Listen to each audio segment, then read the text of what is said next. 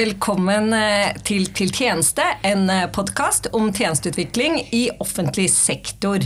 Og i dag så er vi superheldige, for vi har fått med oss eh, Robert Steen, som var finansbyrå i Oslo fra 2015. Har vært digitaliserings- og helsebyråd fra 2019, og før det så hadde du en lang fartstid i Skipsted. Så nå har du vel blitt forholdsvis proff på helse gjennom pandemien, og digitalisering kunne du fra før. Hvordan har egentlig det siste året vært, Robert? Tusen takk for å bli invitert, eh, Tone, og tusen takk for kaffen. Eh, vi kommer jo rett ifra en Arendalsuke nå, og eh, når jeg går rundt i pollen i Arendal Eh, så klarer jeg vel sjelden å bevege meg mer enn en fem-seks meter før en ny person kommer bort og sier 'er ikke du han koronafyren'? Eh, og Det beskriver litt hvordan det siste året har vært. Det har vært eh, kanskje det mest arbeidsintensive året i mitt liv, men kanskje også et av de mest verdifulle. Det å bekjempe en global pandemi i en av Vest-Europas hovedsteder er jo en kjempeoppgave. Og Her tenker jeg jo at både de ansatte i kommunen og de som bor i byen, først og fremst, de 700 000 innbyggerne, har gjort en fantastisk innsats i forhold til å bekjempe en global pandemi som vi har kommet ut av på en fantastisk måte sammen. Mm. Det kan du si. Vi har kommet godt ut av det. Men eh, eh før så var den da du var eh, eh altså byråd for, eh, for finans så pleide du jo ofte si at du måtte stort sett si nei, mens eh, nå så er forkortelsen for din byrådsavdeling er hei. Orker du fremdeles å si hei, Robert? Jeg gjør det. Jeg er jo en av de Jeg ble jo politiker i voksen alder. Eh, og jeg sier at jeg ble politiker 21.10.2015 klokka 10, og er nok en av de politikere som vet klokkeslettet. Det var da Raymond Johansen eh, presenterte sitt nye byråd etter at uh, de rød-grønne hadde vunnet valget i kommunen her i 2015 etter 18 år med borgerlig styre. Da ble jeg finansbyråd. det var jeg i fire år. Så var det nytt kommunevalg i 2019. Uh, og da uh, utfordrer Raymond meg på om ikke jeg ønsker å ta en ny uh, politisk posisjon. og da var det helse og eldrepolitikken som han ønsket at jeg skulle fronte som byråd. Og så sa jeg til han at eh, jo, men da må jeg få lov til å eh, kanskje gjøre om litt på eh, navnet. Og så lurte jeg på om ikke det var greit å kunne kalle det for helse, eldre og innbyggertjenester, fordi digitaliseringen skulle være en del av det. Og da vet jeg, hadde jeg lært så mye om kommunen gjennom fire år, at vi er veldig opptatt av trebokstavsforkortelser. Og helse, eldre og innbyggertjenester blir hei. Og det er veldig mye hyggeligere å gå rundt og presentere seg som byråd for hei enn byråd for nei, som veldig ofte finansbyråd byråden blir presentert som. Eh, så det er ikke bare noe jeg orker videre, eh, Tone. Det er jo noe som gjør at jeg kan stå på morgenen. Det gir veldig mye energi å kunne være hei-byråden. Ja, men det er bra. Og du er jo en, eh, en mann eh, som de fleste kommuner tror jeg ser på som veldig visjonær. For vi ser jo også på deg som liksom litt landsfaderen til vår venn Tim. Fortell kort, hvem er Tim, og hvordan oppsto han? Det var en venn av meg som på et eller annet tidspunkt sa, og han er klok, han sa at eh, når verden beveger seg mye øh, og øh, lenge rundt deg, så må du finne et ankerfeste i livet. Og veldig ofte i organisasjonsliv så kan det ankerfestet veldig fort finnes i de du er til for. Når jeg kom til kommunen i 2015, så kom jeg fra medieselskapet Skipsted. Jeg hadde vært med å starte finn.no for 21 år siden og fulgt med den internasjonale utviklingen av de, som gjør at Finn i dag er i et femtitalls land rundt omkring i verden og er verdens største på denne rubrikkmarkedssida som vi kjenner den fra eh, Norge på. Så jeg hadde nok med meg veldig sterke, kall det, briller på hva den digitale transformasjonen kan medføre. Eh, både for industrier og for organisasjoner, og for ikke minst mennesker. Eh, og dette var en av de tingene jeg adresserte tidlig også som finansbyråd. Eh, og hvor vi fikk opp noen veldig spennende diskusjoner rundt eh, hvordan ser framtidens mer digitale verden ut. Kan det være at man ikke nødvendigvis kan være beskyttet av lovgivning i offentlig sektor i all evighet, men at faktisk private aktører kan komme og ta deler av det som i dag er viktig for offentlig sektor, eksempelvis utdanningssektoren. Jeg har fått presentert noen scenarioer hvor Google-skolen kan være et vel så attraktivt eh, sted å sende sine barn og unge som foreldre i forhold til eh, kjernelæringen som det å sende dem til Oslo-skolen. Det er klart at det er en utfordring for de som tilhører den delen av politikken som jeg gjør, som tror på et stort fellesskap og som tror på en sterk offentlig sektor. Uh, og Dette utfordrer oss, og da begynner vi å nærme oss litt av det som er kjernen for denne samtalen. Nemlig uh, hvordan ny teknologi, digital teknologi, kan forandre rammene og spillereglene for hvordan vi driver våre virksomheter.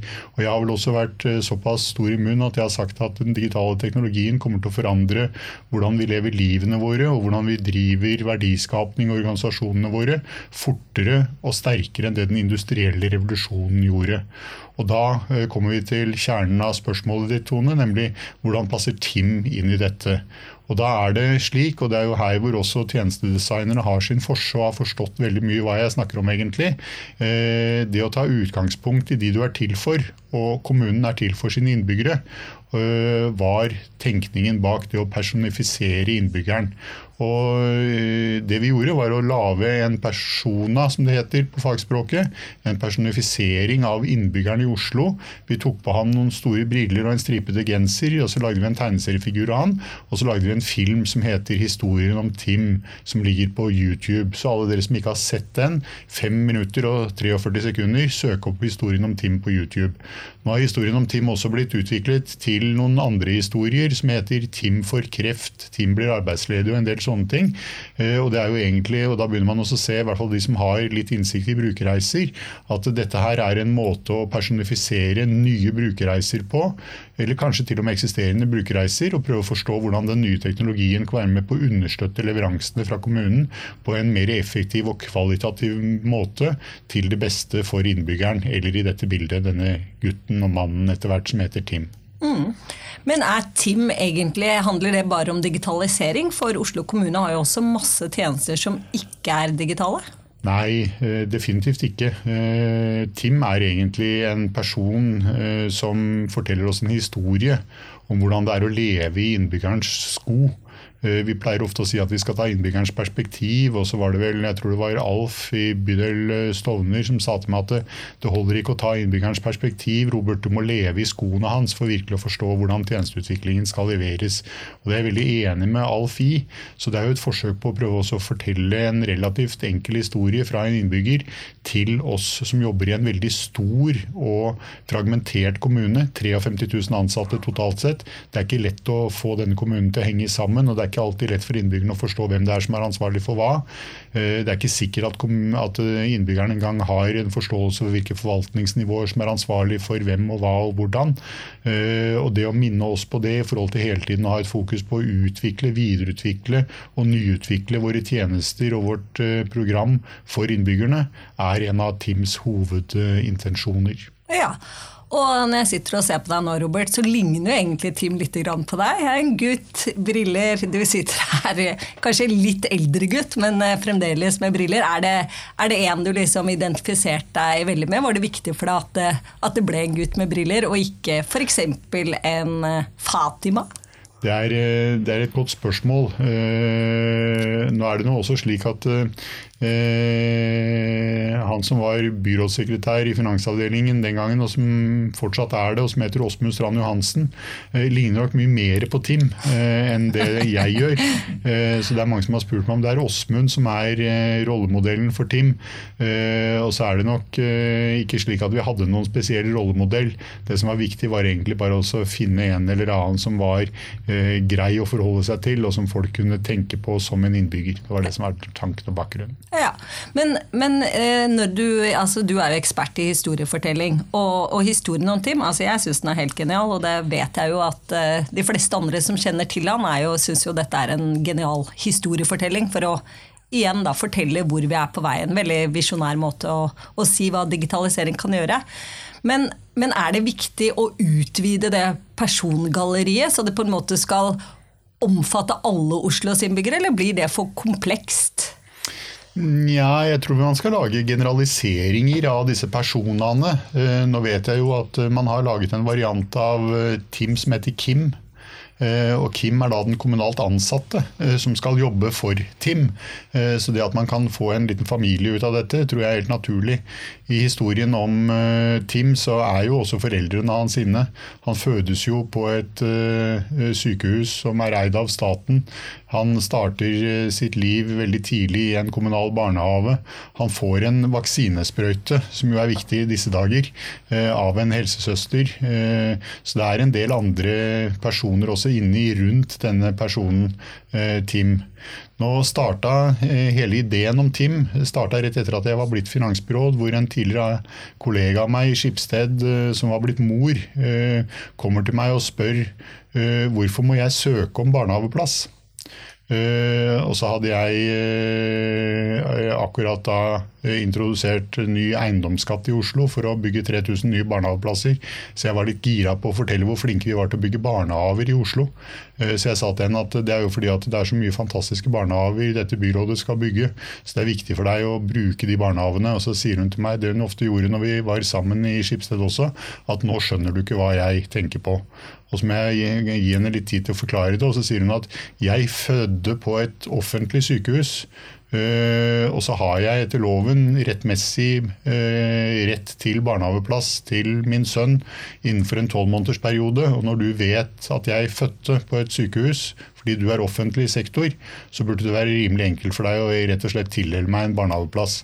Og så skal jeg begynne å forklare henne om at eh, offentlige sykehus er organisert på statlig nivå, og de snakker ikke med sammen med kommunen. Og da skjønte jeg vel egentlig at eh, det er vi som er problemet, det er ikke innbyggerne.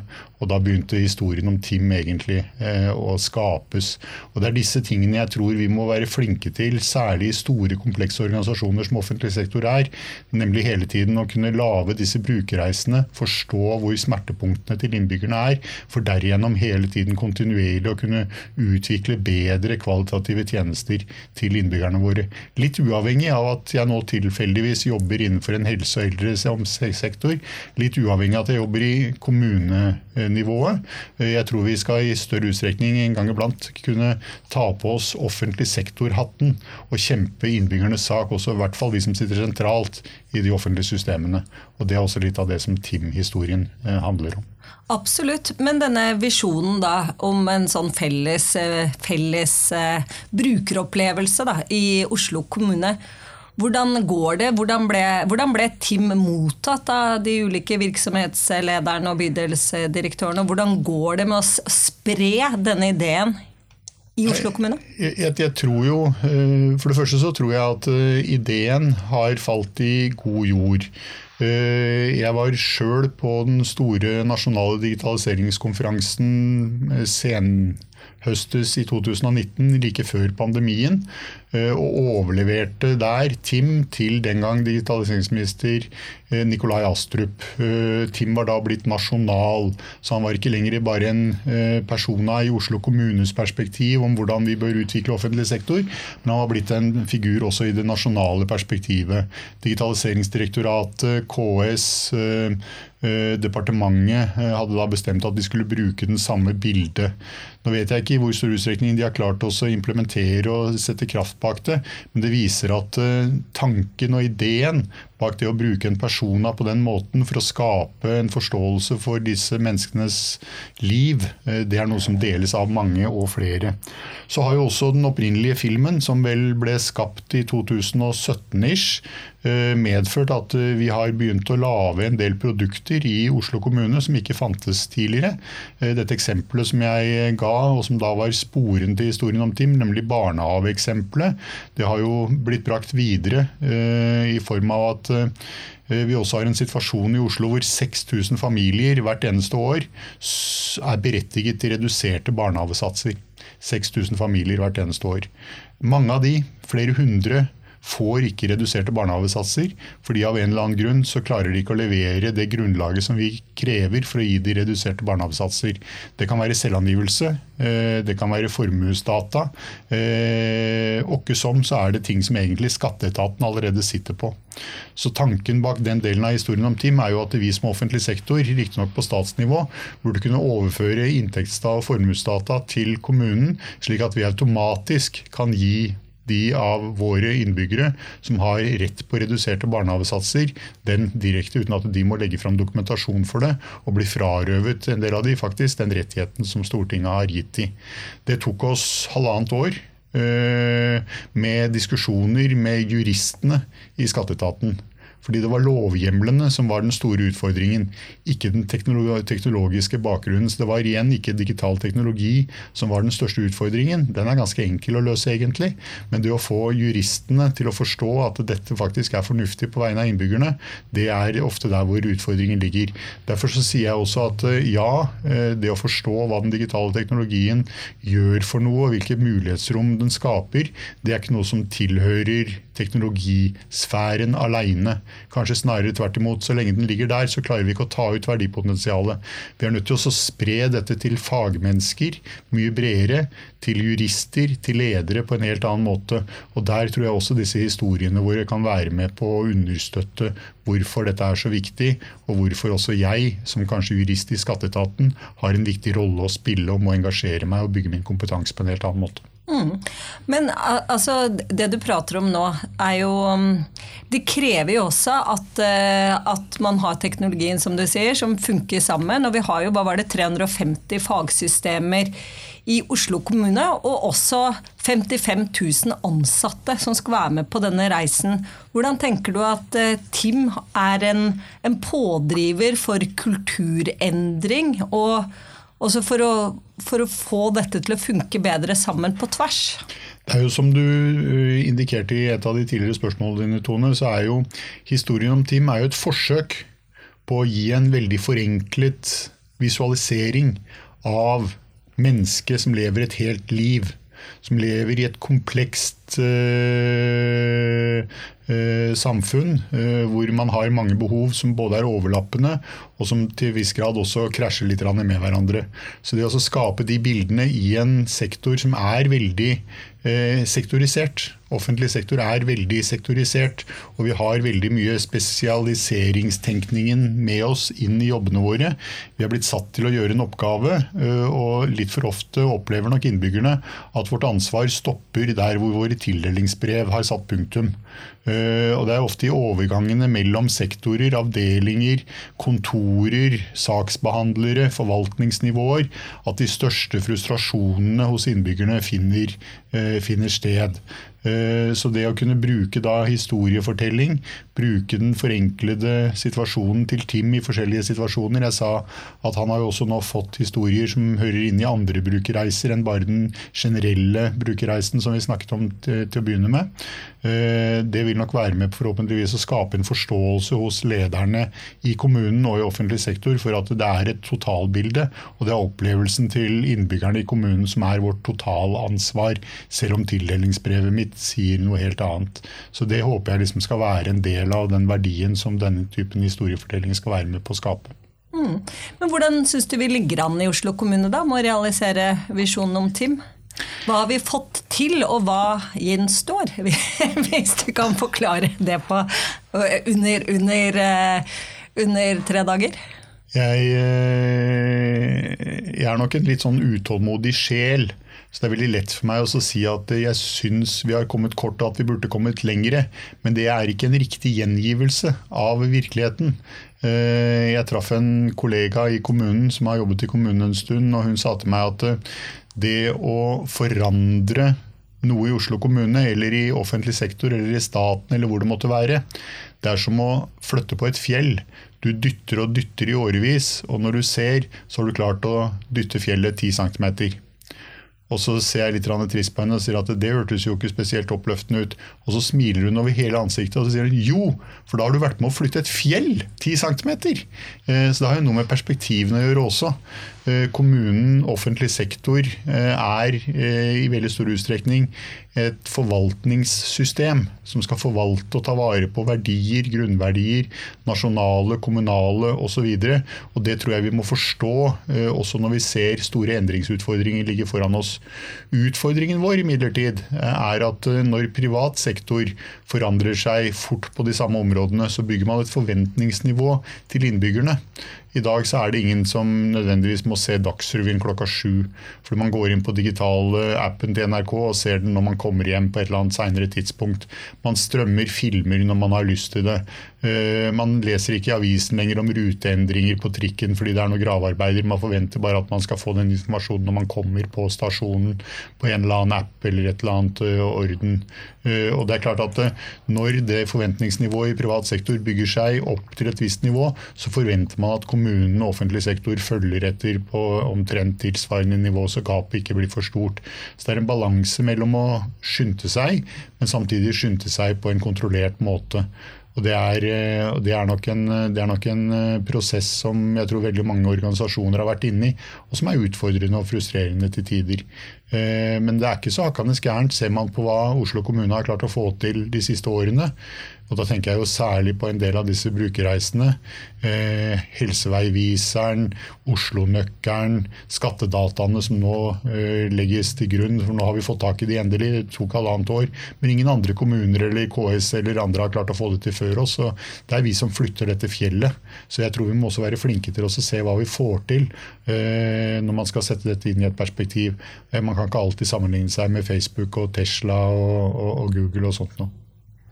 Nei, det, da, da, kan det føles som det går ganske trått. Men, men du prata jo om disse tildelingsbrevene, ikke sant? og at det er ganske sektordelt. Hva, dere, hva kan du gjøre da, som byråd, eller hvordan kan dere eh, presse på for f.eks. å få til mer samarbeid på tvers? De ulike etatene og bydelene?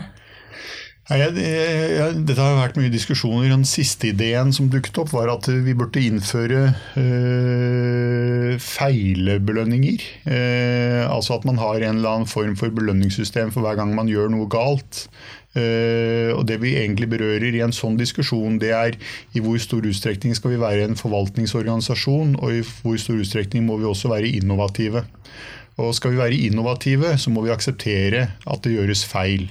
Eh, foran valget for fire år siden så hadde jeg også noen diskusjoner med Nikolai Astrup hvor jeg sa til han at eh, jeg tror faktisk at Flexus-fadesen i Ruter i sin tid hadde veldig mye godt for seg.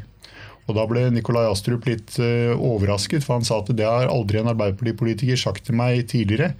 Det har stort sett bare vært med katastrofetegn. Men vi skal huske at fiaskoen med Flexus var det som ga oss Ruter-appen. Ruter-appen ble egentlig lansert som et omdømmeverktøy, fordi at Flexus-prosjektet var gått så gærent som det, det, gjorde. Men i ettertid så er det det som egentlig nå er det mest eh, innovative området innenfor kollektivtransport, kanskje i verden. Eh, sånn at det å også se hva slags muligheter som ligger i det med å feile når man skal innovere, det er nok noe som vi som politisk ledelse i større utstrekning må snakke om og akseptere, og også være åpne om at vi er nødt til å eh, lage en kultur hvor det er viktig. Og Her vil jeg appellere til politiske ledere på alle eh, sidene av bordet, posisjon og opposisjon, og kanskje også mediebransjen, som har en tendens til å ta tak i små feil som gjøres innenfor offentlig sektor, blåse det opp til store greier og henge ut politikere. Det er ikke med på å understøtte en innovasjonskultur. Eh, et eksempel som jeg husker fra noen år siden, var når vi eh, skulle, se, skulle lage Bilfritt byliv-prosjektet vårt, og vi tegnet en del fargerike ulike eh, rundinger nede i gater som det ikke skulle kjøres biler i. Og så brukte vi ikke vannfast farger, og så brukte vi kanskje to millioner på det som et eksperiment. Og det ble førstesidesak selvfølgelig i VG. Hvis vi skal ha den type kultur hvor vi hele tiden ser etter de små feilene vi kan finne, og de finnes alltid, og de finnes mange av, og skal bruke det medialt til å kunne henge ut politikere, så er vi nok eh, et litt større stykke unna en innovasjonskultur enn om vi kan være litt rause med hverandre når vi skal lage nye løsninger på vegne av innbyggerne for framtiden. Absolutt. Men politikerne er jo eh, med respekt å melde bare en del av disse forvaltningsnivåene. Så du har jo også virksomhetsledere, bydelsdirektører og en hel haug med ansatte. Hvordan altså, Og så har jo du, jeg har hørt deg en gang si at trappevaska må starte på toppen, for dritten renner nedover. Eh, kan ikke du forklare litt hva du mener med det? Jeg har moderert meg litt. da. Eh, sånn at nå, nå sier jeg at trappeaska må starte på toppen, fordi vannet renner nedover. Eh, og tanken er jo den samme. Jeg tror at i veldig stor utstrekning så er det slik i alle organisasjoner at det som toppledelsen er opptatt av, har en tendens til å bli det som også organisasjonene er opptatt av og kanskje enda sterkere i politisk styrte organisasjoner, hvor også den mediale oppmerksomheten rundt organisasjonen er desto sterkere enn en bedrift i privat sektor. Eh, og Det er derfor jeg også sier dette med politikernes eh, atferd i forhold til innovasjon at hvis ikke vi som sitter på toppen av de politiske systemene, hvor vi jo tross alt sitter, åpner opp for at det er faktisk greit å gjøre en del feil og, mange, feil og, og, og eh, gale beslutninger, bare man ikke ødelegger liksom hele kommunen og framtiden for folk, og det går på liv og er løs, eh, så vil også våre organisasjoner bli veldig beskyttelsesorienterte. Og Det er det jeg tenker på når det gjelder eh, analogien og bilde om trappevaska. Eh, hvis vi er opptatt av at det skal aldri gjøres feil i min sektor på min vakt, så vil, veldig, eh, vil, min organisasjon og min sektor bli veldig opptatt av at det er vår sektor som er det viktige å holde på og passe på. Og Det er viktig at vi ikke gjør feil. Eh, alle som kommer med innovasjon og samarbeidstanker utenfra, bør egentlig støtes bort fra oss fordi det forstyrrer oss i forhold til å beskytte politikeren vår. Og da er vi ute på en litt sånn vanskelig vei i forhold til det som var utgangspunktet for denne samtalen, nemlig at teknologien kommer til å forandre ganske dramatisk på den måten vi lever livene våre på, hvordan vi produserer tjenestene i offentlig sektor og verdiskapningen i privat sektor framover. Da må vi sannsynligvis ha en større grad av innovasjon og risikovillig eh, kultur. Og det er en utfordring, tror jeg, for offentlig sektor som er politisk styrt, med kanskje et litt annet fokus. Mm. Men hvordan tenker du da f.eks. at Hei da, kan være en tilrettelegger for å utvikle en slags sånn endringskompetanse og endringskultur nedover i administrasjonen? Det vi har gjort, er jo at vi har laget en egen etat eh, som du kjenner til, Tone, som mm. heter Origo. Hvor det i dag sitter et hundretalls mennesker. Eh, 100 mennesker høres jo mange ut som et eh, absolutt eh, tall, men i forhold til en total ansattemengde på mellom 3 og 55 000 mennesker, så er de allikevel forsvinnende eh, små. den etaten har som hovedoppgave å lage innbyggerrettede nye løsninger på tvers. Og Hele ideen bak Origo er jo, å tenke, er jo å vise at det går an å lage ting på tvers av sektorene våre. Legge grunnlaget for framtidens tjenesteproduksjon som i større utstrekning klarer å bruke data eller kunnskap som er kodifisert, eh, gjenbruke det på tvers av sektorer. Litt tilbake til eksempelet mitt om hun som da hadde født på et statlig sykehus og ikke fikk automatisk barnehageplass, fordi sykehuset overførte jo ikke noen data eller kunnskap om at det var født en ny borger til den bydelen som skulle tildele eh, barnehageplassen. Så eh, Eh, dette er jo litt av det som er den etaten sin hovedoppgave. Eh, og det ligger jo i min sektor i Hei. Så det er jo et eksempel på hvordan jeg ønsker å skape disse motorene som synliggjør verdien av samarbeid, verdien av å bruke data som driver for virksomhetsutvikling og for innovasjon og skape nye tjenester. Så det er en av de bitene. Eh, en annen ting er jo historiefortellingene som du er inne på. Historien om Tim og dets like. Få spredt det ikke bare internt med kommunen, men også til forvaltningsnivået over oss, som er staten. Det er jo en annen måte å gjøre det på. Og så er det 100 000 andre ting som vi også må gjøre. Men skal man spise en elefant, så må man begynne med den ene biten, og så må man sakte, men sikkert spise seg gjennom. Ja, nei, eh, det høres jo fornuftig ut, det. Du er jo alltid klok når du prater, men vi, vil fremdeles mer om denne operasjonaliseringen. For, for, hva slags makt og myndighet er det Hei og Origo har overfor de andre sektorene? Altså For å få til dette her også, er alt basert på frivillighet, holdt jeg på å si, eller hvor mye kan man f.eks. tvinge folk til å samarbeide? Nei, altså Når det gjelder det formelle i kommunen, eh, så ligger eh, kall det formelle ansvarsmyndigheten fortsatt i det vi kaller for linja. Så Origo eh, vil jo ha en mulighet til å kunne gjøre en del ting innenfor hei sektor, som er mitt ansvarsområde, men veldig begrensede muligheter til å kunne gjøre ting basert på beslutninger i andre sektorer. Så der er det, som du sier, Tone, i veldig stor utstrekning basert på frivillighet og overbevisning. I tillegg så kommer de også med kompetanse og med en del ressurser eh, som da stilles gratis til rådighet for de andre eh, sektorene. Og Det er kanskje det viktigste. At vi har virksomhetsarkitekter, at vi har tjenestedesignere, at vi har programmerere og utviklere. Vi har hardware-designere osv. som kommunen sannsynligvis ikke har så veldig mange av andre steder. Så de, til, altså de, de, kan tilby ressurser og kapasitet som andre ikke har. Og det er kanskje den sterkeste motivasjonen til å bruke en uh, etat som Origo uh, til å løse en del utfordringer som da går på tvers i kommunen. Og det ser jeg også gjøres uh, i veldig stor utstrekning. Det er ikke sånn at denne gjengen på 100 er arbeidsledig. Uh, snarere tvert imot. Man kunne nok ønske seg at de hadde vært både to og tre ganger så mange. Men det er et mer uh, sentralt budsjettspørsmål. Ja, og vi må jo si at vi har jo hatt mye Orgo-folk her tidligere. Og de er jo også med i Forum for tjenestedesign, så vi samarbeider veldig, veldig bra. Eh, med dem. Eh, men de har jo også sine egne prioriteringer, og de har jo også begrenset et sånt kapasitetsbegrensning. Så, så, er det da i kommunen er det helse man først og fremst prioriterer nå når man skal virkelig få til et digitaliseringsløft? Nei, nå har jo Origo eksistert i et par-tre års tid. Og det er vel ikke så mye helse man har eh, befattet seg med til nå. Oslonøkkelen Oslo-nøkkelen var en av de tidlige eh, produktene de tok fram. Eh, så har Ny i Oslo eh, vært en av de eh, produktene de har tatt fram. De har tatt fram Ny i bydel som et produkt. De har sett på en del grunnlagsarkitekter som, som da skal ligge til grunn for å samle data i en felles dataplattform som kan gjenbrukes osv. Og så har det nå i det siste halvåret også blitt bygd opp et område som heter Helsedata i Oslo. Eh, det tror jeg teller en ca. 20 av disse 100 menneskene. Eh, så det er ikke sånn at det er helseområdet som tar alle ressursene i Origo. Eh, men helseområdet er stort, og det er viktig. Det er komplisert, og det har vi ikke minst erfart nå under koronapandemien. Og så har de selvfølgelig kastet veldig mye av det de holdt på med litt til siden under koronapandemien. Eh, det er et internasjonalt analysebyrå som heter Deep Knowledge Analytics, som har gjort en vurdering av hvordan byene i verden har håndtert eh, koronapandemien. Eh, og De har delt opp sin analyse i fem sektorer. En av disse sektorene kaller de for health management. Altså hvordan har byene administrert helsesiden under koronapandemien.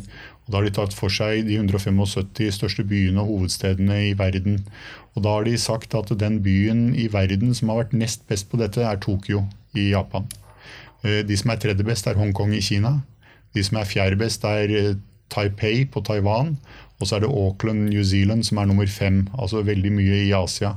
Kun én by i Vest-Europa eller vestlig verden har de klart å få på ti på topplisten, men de har også plassert den byen på topp av listen, og det er Oslo. Oslo havner på toppen altså av internasjonale byer for sin koronahåndtering på helsesida. Og det de sier er først og fremst årsaken til at de kårer Oslo til den beste byen under koronapandemihåndteringen, det er hvordan man har brukt teknologien til å skalere utfordringer knyttet til det som vi kaller for TISK-arbeid. Test, isolasjon eh, smittesporing, karantene og oppfølging av de som har vært smittet eller nærkontakter. Det er hvordan vi har brukt teknologien til å spisse kommunikasjon i en hovedstad hvor mennesker snakker 200 forskjellige språk. Det å atferdsstyre 700 000 mennesker gjennom halvannet år har kanskje vært den største utfordringen i koronapandemien. Og det å kunne snakke til 700 000 mennesker som snakker 200 forskjellige språk, har vært en enorm utfordring. Og det må skaleres, og det måtte skaleres fort. I tillegg så har de også sagt at måten dere har bygd opp styringssystemer og speedometere på, som gjør at beslutninger kan tas fort og hele tiden, er sannsynligvis en av de komponentene som har vært med på å gjøre Oslo såpass skånet tross alt for alvorlig sykdom og død. Og Litt av årsaken til at vi var i stand til å gjøre dette sjøl, var jo at vi hadde inhouse, som det heter på svensk, eh, kompetanse og ressurser som vi kunne kaste på disse problemene når viruset plutselig bare dukket opp eh, i byen vår såpass fort som det det gjorde. Så Det er jo eksempler på uh, hvordan Origo-teamet har vært brukt i denne sammenhengen. Og Det siste var jo et eksempel på helse, jeg er enig i det, Tone, men det var jo litt spesielt. Jeg tror også det er noe som har vært et eksempel på uh, veldig mange områder. Koronaen har jo preget alle områdene av Oslo kommune og alle livene til innbyggerne her i halvannet år. Det er ikke noe tvil om det. Ja, og det er jo litt derfor jeg sa også dette med helse. For det, det, er jo følelsen utenfra, og det er jo fantastisk hva Orga og du har fått til under koronapandemien. Så jeg tenker det er jo Gratulerer. Veldig, veldig bra med denne. Og så er det en gratulasjon som går til oss alle. Ja. Den går til 55 000 ansatte i kommunen, og den går til 700 000 innbyggere. Eh, dette er jo virke, det er En annen måte å se koronapandemien på er jo at det har vært et gigantisk suksess for endrings ledelse og endringsopplevelse. Det vi opplevde, var at plutselig hadde 700 000 mennesker et felles mål. Og det var å prøve å redusere antall alvorlig syke og døde som en konsekvens av en global pandemi. Og det klarte vi jaggu. Og vi dro det lasset sammen. Eh, jeg tror det kommer til å gå veldig lang tid til vi ser et fellesprosjekt med et fellesmål som omfatter så mange. Men det har vi klart på en veldig fantastisk fin måte. Men er det ikke det man ofte sier om ledelse? At det er evnen til å prioritere? Så kanskje det er, eh, man bør prioritere like hardt framover òg, som man kanskje har gjort under korona med pandemien, for å virkelig få til de store endringene? Ja, men samtidig eh, så tror jeg det er vanskelig å skape et mål som er så omforent hos alt og alle. Eh, det er bare å gå til den pågående valgkampen eh, og se på de politiske partiene, eh, hva som er viktig for dem. Da ser man at interessene hos det norske folk, og også her i Oslo, er jo ganske varierte. Men når det gjaldt det å virkelig få en sånn utfordring som det koronaen representerte, det er nok en så sterk opplevelse at helt å gjenskape den én til én tror jeg nok blir vanskelig. Det kan være. Men nå som vi er i denne valgkampen, Fortell litt, Hva er de politiske skillelinjene da, da, da, når det gjelder eh, digitalisering? Ja, til, til, dette eh, så tror jeg jo at eh, det er viktig å merke seg at det er et stort politisk skille mellom høyresida og venstresida i norsk politikk. Igjen tilbake til noen av disse samtalene jeg har hatt med høyrepolitikere. Kanskje også igjen tilbake litt til Nikolai Astrup. Men jeg hadde også en samtale med, eller en debatt med Linda Hofstad Helleland i Arendalsuka i forrige uke. Uh, og det høyresida uh, fortsatt uh, hevder med stor grad av styrke, det er at digital teknologi er noe som skal utvikles i privat sektor. Og så skal det kjøpes og brukes i offentlig sektor. Og så skal ikke offentlig sektor bygge opp så veldig mye kompetanse innenfor dette området, fordi dette er produkter eller verktøy, først og fremst. Her er nok min side i politikken helt fundamentalt uenig i det. Eh, vi mener at digital teknologi er i ferd med i større og større utstrekning eh, allerede å bli en del av kjernekompetansen og kjernevirksomheten til større og større deler av organisasjonene våre, også offentlig sektor. Eh, når selv Uh, søppelbilene våre er utstyrt med digital teknologi som til enhver tid klarer å styre hvordan og når man skal inn på sentralen og når det er plass til å tømme bilene og sånt noe, så ser man at dette er eksempler på at den digitale teknologien den er i ferd med å bli så uh, viktig for operasjonene våre at hvis ikke vi kontrollerer den sjøl, så kontrollerer vi etter hvert heller ikke operasjonene våre og virksomhetene våre. Da er vi ute på en veldig, veldig alvorlig sidevei, uh, tenker nå vi da at den dagen Og, og, og jeg pleier ofte å si det også, at eh, når det gjelder eh, digital teknologi, eh, så er det slik at den som kontrollerer den digitale teknologien, kontrollerer sannsynligvis også framtiden. Og dette er jo også årsaken til at eh, så mange internasjonale store selskaper har blitt så store og verdifulle og interessante som det Google, Facebook, Amazon, Apple og sånt har blitt. Så er det fordi at det er mange som deler den tanken. De som kontrollerer teknologien i framtiden, kontrollerer også verden. Og Det betyr at skal vi kontrollere offentlig sektor slik vi kjenner den i Norge og i Oslo, så må vi også kontrollere teknologien innenfor offentlig sektor og Oslo. Og Det er eh, nok et stort skille i den politiske tenkningen mellom høyresida og venstresida. Den dagen hvor vi har satt ut teknologien til offentlig sektor, så vil vi etter hvert også ha satt ut offentlig sektor. Da har vi, eh, altså Går man litt langt fra, litt fram i tid, så er dette den ultimate måten å privatisere hele offentlig sektor på. Og Da har vi et annet samfunn. Da har vi et samfunn som i større utstrekning overlates til den enkelte, og den enkeltes evne til enten å betale eller klare å bevege seg i det samfunnet Eh, på en annen måte enn det fellesskapet som vi har vært født inn i, Tone, og som vi har satt stor pris på. Ja, og du eh, har jo eh, i hvert fall én baby til, i tillegg til Tim, og det er de ti databudene. Det er jo veldig litt sånn, eh, gir litt religiøse assosiasjoner her. Hva, hva, er de ti databudene, Robert? Jeg holdt på å si at eh, jeg, Nå hadde jeg nesten tenkt at du skulle si at jeg har en baby til. Han heter Christian, han er 20 måneder gammel og er mitt første barnebarn. Å, gratulerer, eh, gratulerer. Eh, og han bor hjemme hos meg om dagen, så jeg er veldig opptatt av han om dagen. Eh, men det har, en, det har en relasjon til spørsmålet ditt, Tone. fordi eh, jeg mener, eh, som dere har skjønt veldig godt, at teknologien er ekstremt viktig både å kontrollere og forstå og bruke til det beste i forhold til de verdiene vi bygger samfunnet vårt på. Det norske samfunnet er bygd i veldig stor utstrekning på verdier som handler om fellesskapet. Som handler om en sterk offentlig sektor, som handler om utjevning, som handler om små forskjeller og store muligheter for alle. Som handler om fellesskolen, som handler om alle disse tingene vi egentlig ikke tenker på til vanlig, men som er hovedårsakene til at Norge er Norge eh, og ikke et hvilket som helst annet land.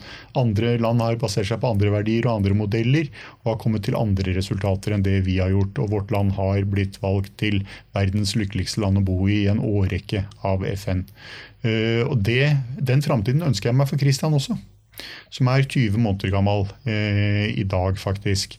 Eh, og Det er for han jeg liksom tenker litt, og også dette med teknologi. og Da kommer man til det du spør om, nemlig disse ti databudene som vi har begynt å tenke litt over.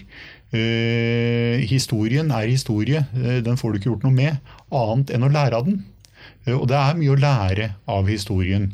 Eh, og nå for 50 eh, år siden, faktisk, i disse dager, så fremmet den Arbeiderpartiledede regjeringen på begynnelsen av 70-tallet Vi husker sånn som Jens Evensen og en del av disse menneskene. Det var Trygve Bratteli som var regjeringssjef og statsminister den gangen. De fremmet en stortingsmelding i 1971 som i ettertid har blitt kalt meldingen om de ti oljebudene. De ti oljebudene var egentlig en del prinsipper eh, som skulle legges til grunn for oljeindustrien, som man på det tidspunktet hadde en viss følelse kunne bli av en viss karakter. Man ante ikke noe om det særlig utover det, men man grunnfestet en del prinsipper. Noen av disse prinsippene var at eh, oljeressursene i Norge skal i, ves, skal i all vesentlig grad eh, eies av Norge og nordmenn. Altså De skal ikke selges til utenlandske oljeselskaper eller andre. Og så er det jo en del som er så gamle at man husker diskusjonene med Volvo, hvor vi skulle dele halvparten av oljeressursene våre hvis vi fikk halvparten av Volvo. Det ble heldigvis ikke det noe av. Eh, men det var en del sånne prinsipper som man nedfelte i de ti oljebudene. Jeg tror at eh, vi nå har kommet så langt i den digitale utviklingen at Norge er modent for også å nedfelle en del prinsipper i forhold til framtidens data, datafangst, dataeierskap og dataforedling, eh, som jeg godt kunne tenkt meg at neste regjeringen hadde tatt til orde for, og at vi hadde fått en stortingsmelding som da hadde besluttet det som jeg kaller for de ti databudene. Som kommer til å si noe om hvordan vi skal utvikle dataindustri, verdiskapning i Norge, hvordan vi skal eie dataene, hvordan vi skal forvalte det. Nå er vi ikke alene om å tenke sånne ting. Jeg vet at Tyskland eksempel, har laget noe de kaller for Bundescloud, hvor alle offentlige data ligger i en tysk sky, og ikke en internasjonal sky, som jo kan tappes eller stjeles hvis den ikke eh, er godt kontrollert. Så En del av disse grunnleggende prinsippene for hvordan vi skal bygge morgendagens gigabit-samfunn, det tror jeg vi er modne til å kunne ta nå. Ja, Så hvis det blir eh, regjeringsskifte, da, du blir digitaliseringsminister, så virker det som om du allerede har gjort eh, en stor del av grunnarbeidet for å, for å gjøre en god jobb? Grunnarbeidet ligger jo i at eh, alle vi som skal stemme den 13.9, legger de riktige valgsedlene i valgautomaten, men det ligger vel kanskje litt utenfor dette podkastprogrammet her å snakke om. kan være, kan være. Du, helt sånn avslutningsvis, nå må vi ha litt sånn, bare litt sånn om deg. Hva mener du, eller tenker du, er de tre viktigste egenskaper en ansatt eller leder i Oslo kommune trenger for å være en skikkelig bidragsyter til å realisere visjonen om Kim? Tim, Kim og Tim, kanskje? Ja, og sannsynligvis mange flere også. Eh, jeg, jeg, tror i hvert fall eh, Noen ganger så Ikke noen ganger, veldig ofte så eh, definerer vi verden ut fra de brillene vi har på. Uh, og sånn er det vel med meg en gang iblant også. Jeg har fått lov til å leve etter hvert et ganske langt liv og fått lov til å være med på mye spennende og mye morsomt, mye forskjellig. Og Det jeg vil ha lært, og det er vel en av de tingene som jeg da også ønsker meg av lederne i Oslo kommune, det er at uh, det lønner seg å være nysgjerrig og heller si ja enn nei.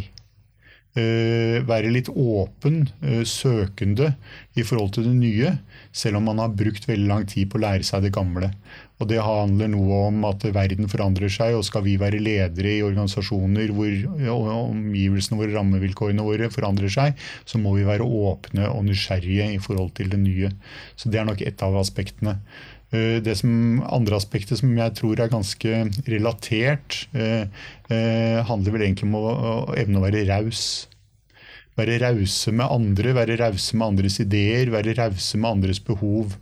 Uh, jeg, når jeg gifta meg for en halvt liv siden, uh, så uh, deklamerte jeg et dikt til kona mi av handelsmoren Moren Vesaas, som starter som så. det heiter ikke eg nå lenger, heretter heiter det vi. Eig du lykka, så er du ikke lenger bare de. Og I det så ligger det jo noen refleksjoner om at noen ganger så er fellesskapets beste så mye, mye større enn det å uh, suboptimalisere på egne vegne. Uh, det er en utfordring i forhold til strukturen vår, i forhold til kulturen vår, som vi har snakket om flere ganger i løpet av denne samtalen, Tone. Men jeg tror det med nysgjerrighet og raushet i hvert fall er et par av de tingene. Uh, og så ligger det i både nysgjerrighet og raushet tror jeg også en uh, anerkjennelse av at uh, veldig mye av kompetansen innenfor den nye teknologien ligger hos de yngre.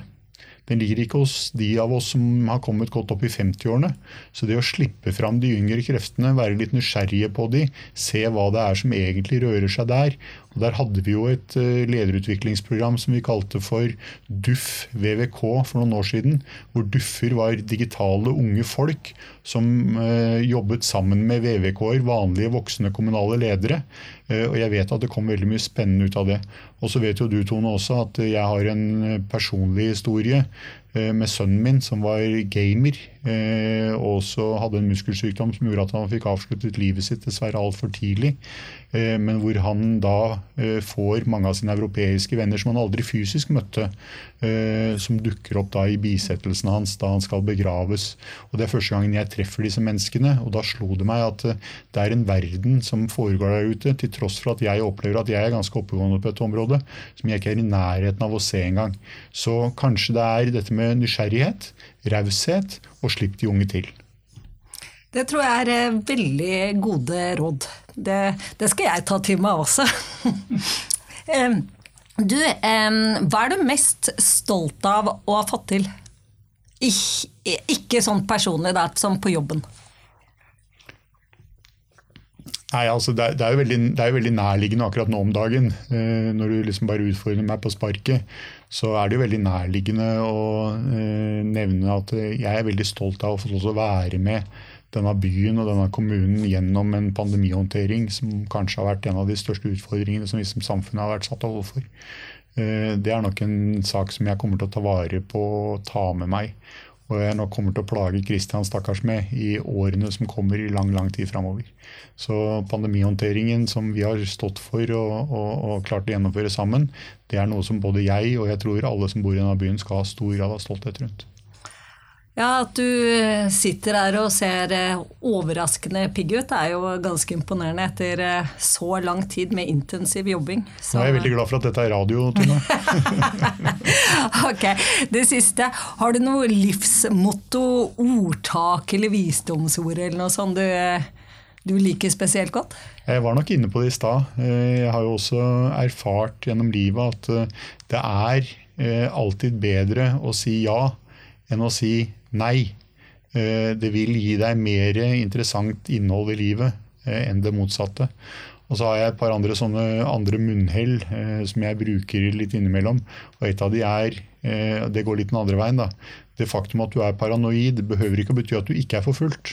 og det hender at jeg må bruke en gang iblant i det livet som jeg lever i. da.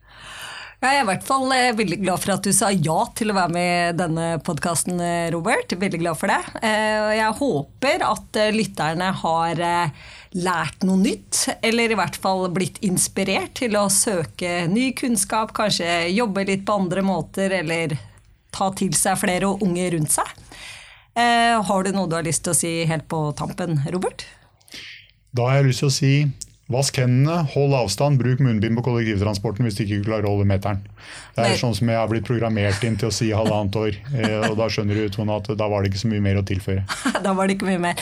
Og til alle dere som har lyttet, håper at dere har likt episoden. Har dere kommentarer eller ideer til eh, hva vi bør lage podkaster om, så ta kontakt med oss. Eh, Du finner postadressen i teksten under podkasten. Ha det bra, og takk for nå. Takk skal du ha, Tone. Ha det godt.